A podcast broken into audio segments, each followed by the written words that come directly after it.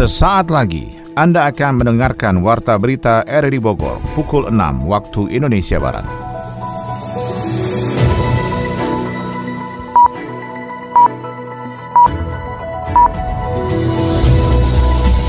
Selamat pagi dan salam jumpa. Kami kembali hadir dalam Warta Berita di edisi hari ini, Kamis 3 Juni 2021. Siaran ini bisa Anda dengarkan juga melalui audio streaming di RRI Play pada perangkat smartphone Anda dan disiarkan Radio Tegak Beriman Kabupaten Bogor.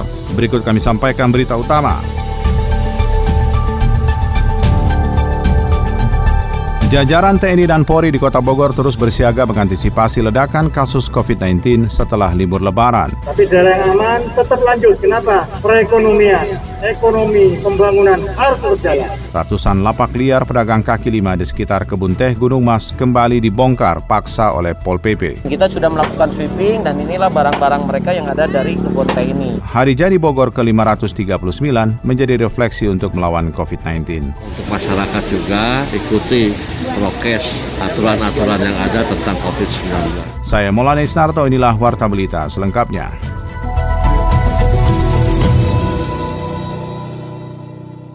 Pemerintah Brazil pada selasa waktu setempat melaporkan penambahan 2.408 kematian COVID-19 sehingga total menjadi 465.199 kematian. Kementerian Kesehatan Brazil juga mencatat 78.926 infeksi baru COVID sehingga secara keseluruhan mereka yang terinfeksi berjumlah 16.624.480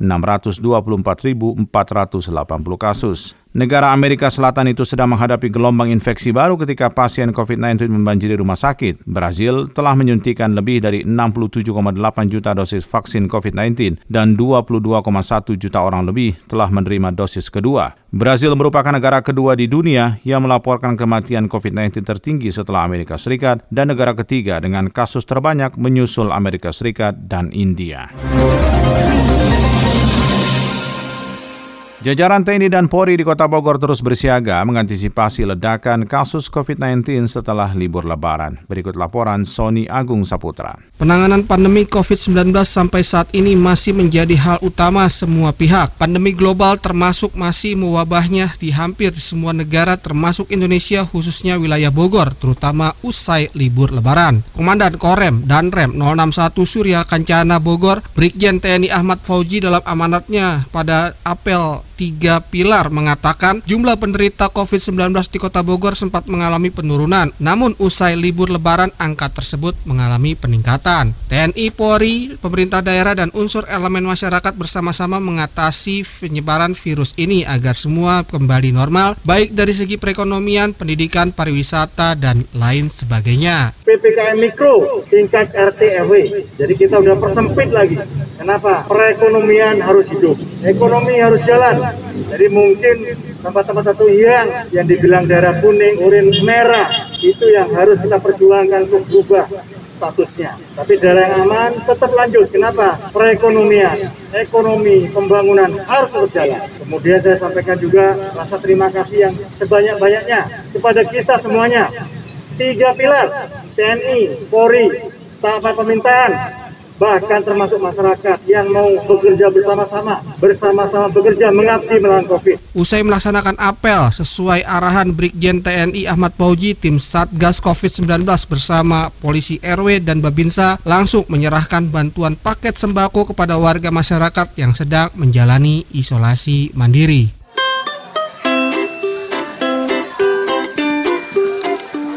Eh, Eki, Eh, Mariana. dari mana? Idi, idi, banyak banget sih bawa bukunya. Dari perpustakaan. Enggak kok. Ini semuanya buku aku kok.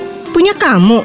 Serius? Banyak banget sih. Itu mau jualan? Apa mau diapain sih? Emangnya nggak ribet apa bawa buku sebanyak gitu? Lagian kayak dibaca aja sih. Dibaca dong. Aku tuh emang suka banget sama baca. Seru loh. Dengan baca, kita bisa jadi tahu banyak hal. Ya elah, hari gini kan tinggal browsing. Iya sih.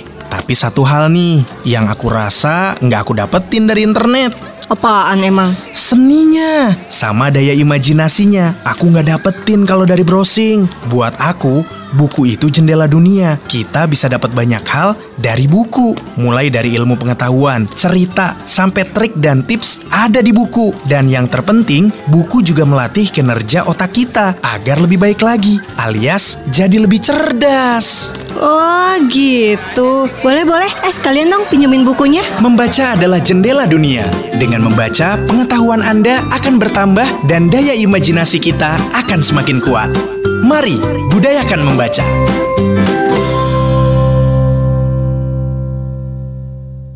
Kawasan wisata Puncak Bogor kembali viral dengan unggahan sebuah bil pembayaran dari sebuah warung mie rebus di Jalan Riung Gunung, Cisarua, Bogor dengan harga yang fantastis. Laporan Yofri Haryadi. Kawasan wisata Puncak Bogor kembali viral dengan unggahan sebuah bil pembayaran dari sebuah warung mie rebus di Jalan Riung Gunung, Cisarua, Bogor dengan harga fantastis. Unggahan itu pun tersebar melalui berbagai platform media sosial hingga berdampak pada citra pariwisata di kawasan itu. Harga dua mangkuk mie rebus dengan telur telur dibanderol Rp54.000 dan telur setengah matang dijual Rp25.000. Kontan saja unggahan bukti pembayaran dengan total Rp206.000 di rumah makan Rizky Maulana itu pun menuai cibiran dari para netizen. Menjawab hal itu pun Ketua Kelompok Sadar Wisata Wilayah Puncak Bogor M Teguh mengungkapkan harga yang dibanderol kedai tersebut sangat berlebihan. Ya, harga itu bukan harga biasa itu harga yang udah berlebihan. Saya nyari ke warungnya itu tersebut akan tanyakan dan mungkin akan mengecek harga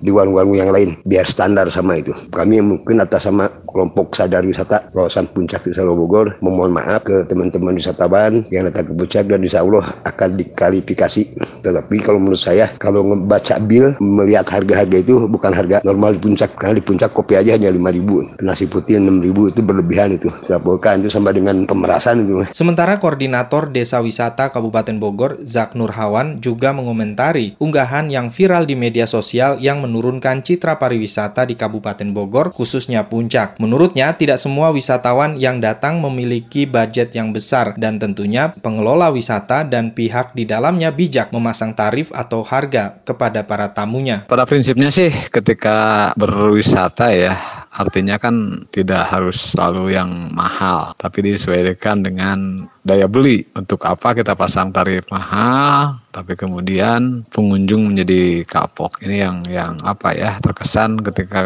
ke tempat wisata serba mahal. Meskipun kita tahu orang yang ke tempat wisata pasti punya uang, tapi apa ada batas wajar? Saya pikir perlu ada batas wajar. Gitu. Camat Cisarua Denny Humaydi langsung mendatangi lokasi kedai yang plang namanya sudah dicabut oleh pemiliknya. Camat Denny berharap ada kesepakatan dari para penggerak pariwisata di Cisarua Bogor untuk tidak memberi kesan dan pengalaman buruk kepada para tamu yang berwisata di Puncak Bogor agar para wisatawan betah dan datang kembali berwisata di Kabupaten Bogor. Kawasan wisata itu kan kaitan termasuk ramah tuh ramah di harga ya. Sabta pesona itu yeah. kan di sana. Nah, ini kenangannya jangan jangan kenangan kayak gini gitu. Jadi ini bahan ya. Nah, ini kita bisa nggak ke depan itu kan mereka juga ada biasanya uh, ada kelompok kalau di pemerintah itu seperti ada HET ya kesepakatan harga eceran tertinggi misalnya range mie paling mahal ya ini berapa? Ya ada kisaran itu jangan merusak juga yang lain. Kan ini bahan pembinaan saya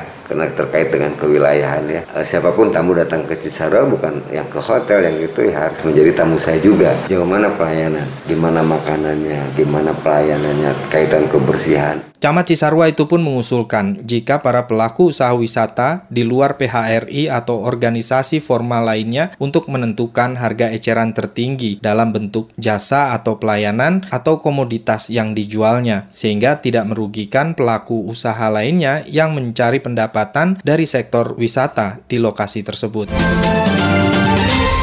Masih dari kawasan Puncak Bogor, ratusan lapak liar pedagang kaki lima di sekitar kebun teh Gunung Mas kembali dibongkar paksa Pol PP. Yofri Haryadi kembali melaporkan untuk Anda. Antisipasi menjamurnya kembali pedagang kaki lima di sekitar kebun teh Gunung Mas di Jalan Riung Gunung Cisarua Bogor, 120 lapak liar PKL kembali dibongkar paksa Pol PP. Pembongkaran tersebut adalah yang kedua kalinya dilakukan dalam satu bulan ini, setelah sebelumnya Pol PP dan Muspika Cisarua memberikan keringanan kepada para pedagang untuk berjualan hingga akhir masa libur Idul Fitri 1442 Hijriah. Selain membongkar lapak semi permanen, ternyata kelompok PKL di kawasan perkebunan teh Gunung Mas itu pun menyembunyikan perangkat dagangannya di semak-semak kebun teh yang ada, sehingga saat dibongkar petugas, tidak lama mereka akan berjualan kembali. Sekretaris Dinas Pol PP Kabupaten Bogor Iman Wahyu Budiana menjelaskan para pedagang yang ditertibkan tidak masuk daftar pedagang yang nantinya direlokasi ke rest area Gunung Mas. Mereka adalah pedagang musiman yang dibiarkan akan menjamur dan merusak keindahan lingkungan di kawasan objek wisata. Setiap saat kalau kita lengah, hmm. mereka berjualan kembali. Ini kan yang punya wilayah Gunung hmm. Mas. Ternyata Gunung Mas juga memberikan kesempatan sampai dengan tanggal 31. Hmm. Dan memang mereka ini sudah membongkar, sebagian sudah membongkar tempat-tempat usahanya, agar tetapi kita sweeping ke kebun teh, ternyata, ternyata mereka ada di dalam kebun teh kayak meja, kursi, oh. itu mereka umpet-umpetin di kebun teh. Dan kita sudah melakukan sweeping dan inilah barang-barang mereka yang ada dari kebun teh ini sehingga kita ada beberapa tadi begitu banyaknya di dalam uh. ini ketika kita berbicara mereka ngumpetin berarti uh. ada potensi lagi. mereka uh, buka, lagi. buka lagi. Keberadaan PKL liar juga menimbulkan persoalan baru yakni menumpuknya sampah terutama pada saat libur akhir pekan dan libur panjang. Kondisi itu pun dikeluhkan pengawas kebersihan UPT Pengelolaan Sampah Wilayah 2 Ciawi Usman. Usman mengatakan untuk satu kali pengangkutan di kawasan Puncak Bogor meliputi tiga kecamatan yakni Megamendung, Cisarua, dan Ciawi satu truk mengangkut 6 ton sampah perharinya. Satu hari hanya dua ritasi jadwal pengangkutan sampah dari UPT Kebersihan Wilayah 2 Ciawi Bogor ke TPA Galuga Cibung Bulang. Kita aja satu truk itu kena 6 ton ya. 6 ton karena kita bak itu ya kita naikin lagi setengah meter ke atas. Resiko kita itu karena kalau nggak seperti itu kita nggak tertangani.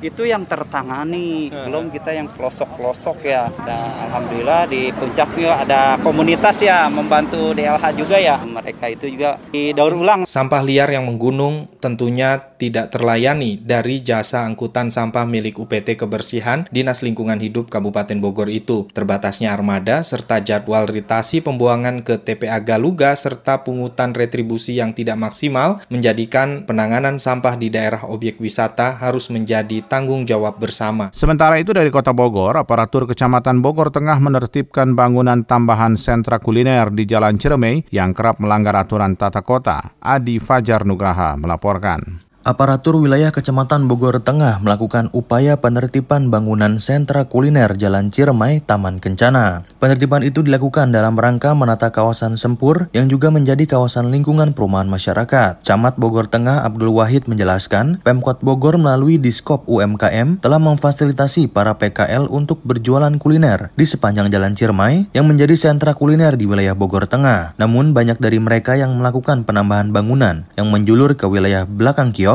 yang berdempetan dengan bibir sungai Ciliwung. Hal ini dikatakan Abdul Wahid tentunya menjadi potensi bahaya bagi lingkungan serta merusak tata wilayah kota. Kita melakukan penataan PKL di Ciremai Ujung di mana awal sudah pernah dilakukan pembangunan oleh KM. Namun semakin ke sini mereka melakukan penambahan-penambahan bangunan tanpa seizin aparat wilayah dan tanpa seizin UMKM. Sesuai aturan tidak boleh karena ini bangunan dari awal sudah diatur.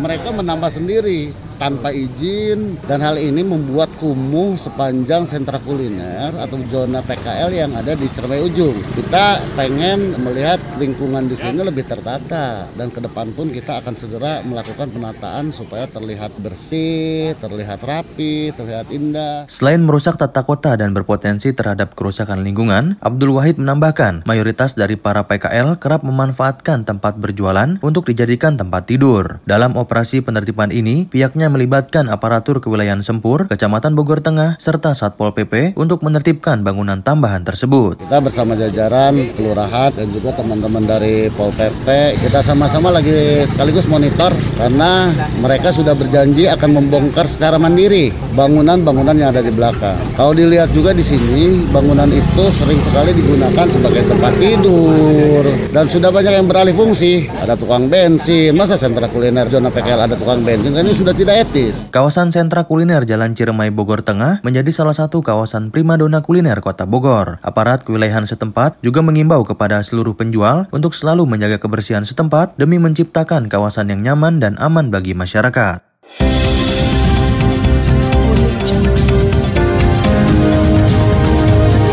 Anda tengah mendengarkan Warta Berita RRI Bogor.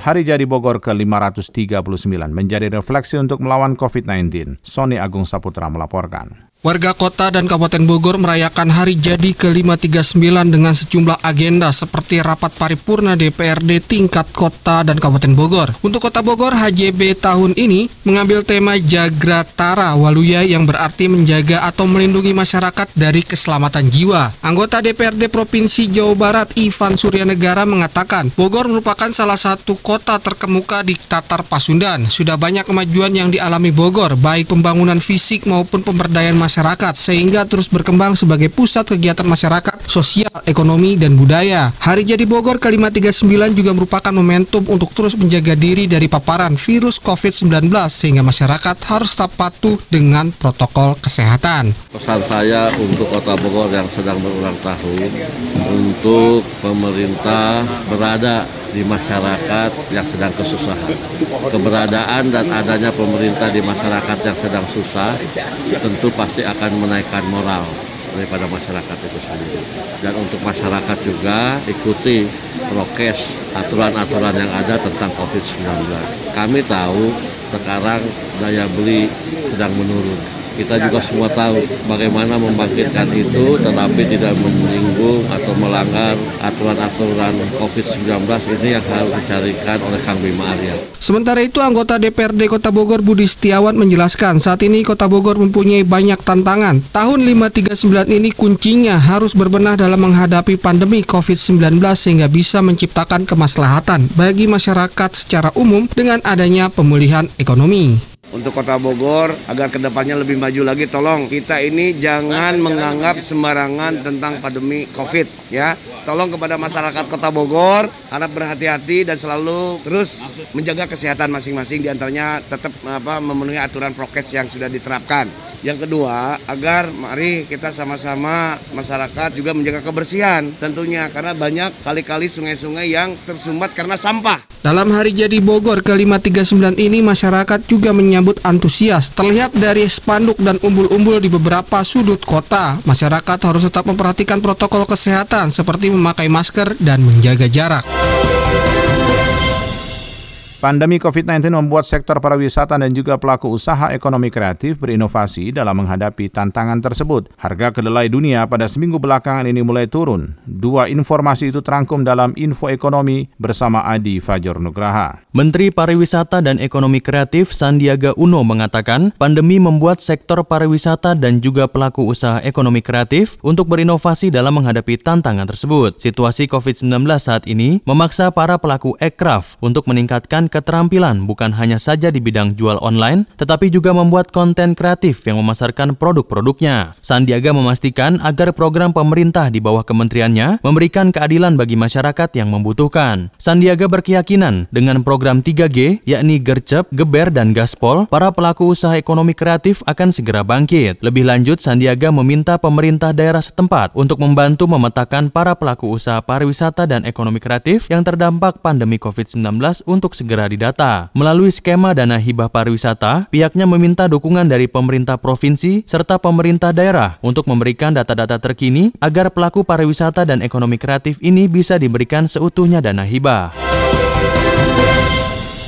Kementerian Perdagangan menyebut harga kedelai dunia pada seminggu belakangan ini mulai turun. Berdasarkan data Chicago Board of Trade, pada minggu keempat Mei 2021, harga kedelai berada di kisaran 15,04 US dollar atau 9.220 per kilogramnya. Itu turun 5,1 persen dibanding minggu sebelumnya yang mencapai 15,8 US dollar atau 9.604 per kilogramnya. Direktur Jenderal Perdagangan Dalam Negeri Kementerian Perdagangan, Oka Nurwan menyambut baik penurunan itu. Pihaknya juga memperkirakan harga kedelai akan turun lagi seiring dengan panen raya kedelai di negara produsen. Karena itu pemerintah meminta para importir untuk menyesuaikan harga kedelai impor. Hal ini dilakukan agar harganya kembali stabil dan dan perajin tempe serta tahu yang sempat mogok berproduksi akan bisa berproduksi lagi. Sebagai informasi, harga kedelai yang merupakan bahan baku pembuatan tempe dan tahu belakangan ini memang melonjak. Hal ini pun menjadi perhatian Kemendak untuk melakukan penyesuaian untuk mempertahankan harga kedelai agar tidak memberatkan masyarakat.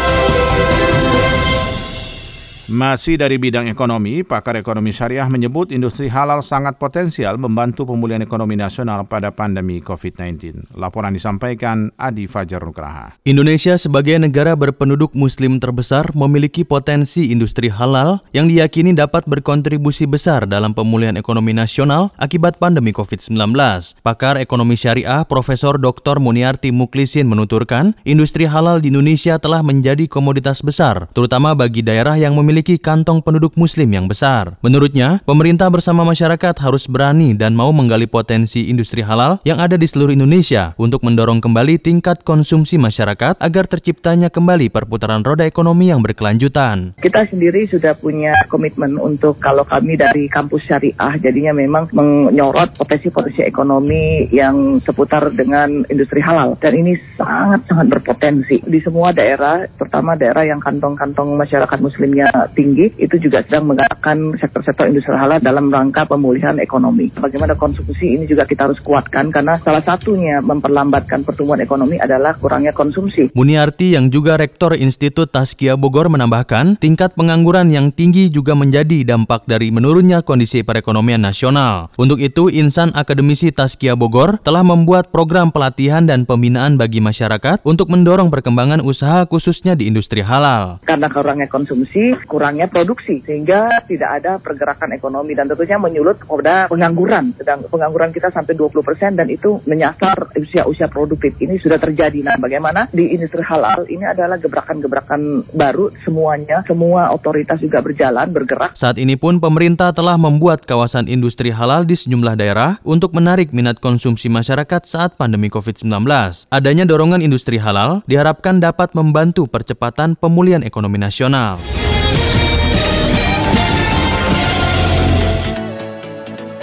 Dari dunia olahraga, Ketua Umum Pengurus Cabang Persatuan Ski Air dan Wakeboard Indonesia, Kabupaten Bogor, Ari Indradi memastikan tidak akan mengundurkan program latihan kepada para atlet menjelang babak kualifikasi Poprov 2021 yang akan digelar 10 hingga 15 Juli mendatang. Laporannya disampaikan Ermelinda.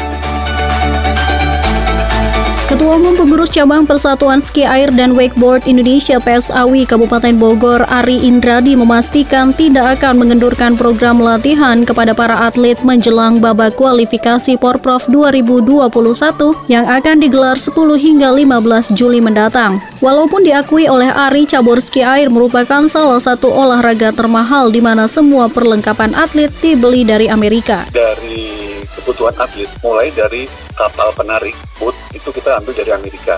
Asia belum punya jadi memang dari Amerika itu pertama. Tali skinya sendiri peralatan baju vest pelampung gitu ya sama papan skinya itu Amerika. Hanya Amerika saja belum ada uh, ada Australia tapi uh, Korea juga ada tetapi kita tetap ambilnya dari Amerika. Jadi itulah yang bikin mahal importnya juga mahal kalau pesan tidak bisa sedikit dan dukungan juga kalau misalnya itu juga kita harus rombongan belinya supaya murah ongkos pengirimannya gitu. Jadi memang ada kendala.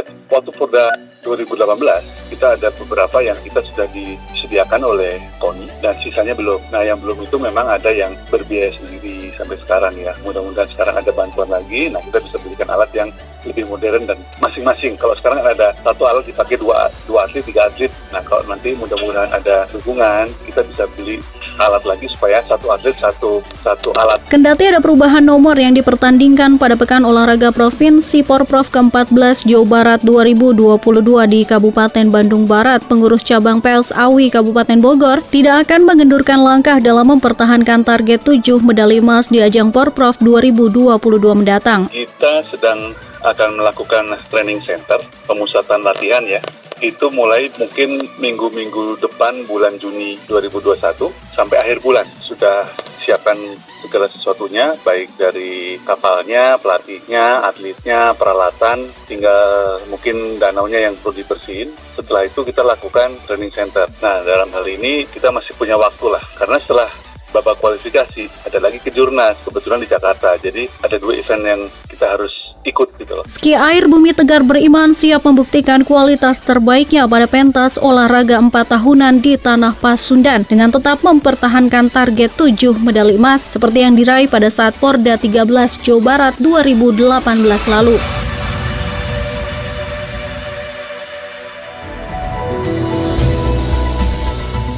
Demikian rangkaian informasi yang kami hadirkan dalam Warta Berita di edisi hari ini. Sebelum berpisah kami sampaikan berita utama.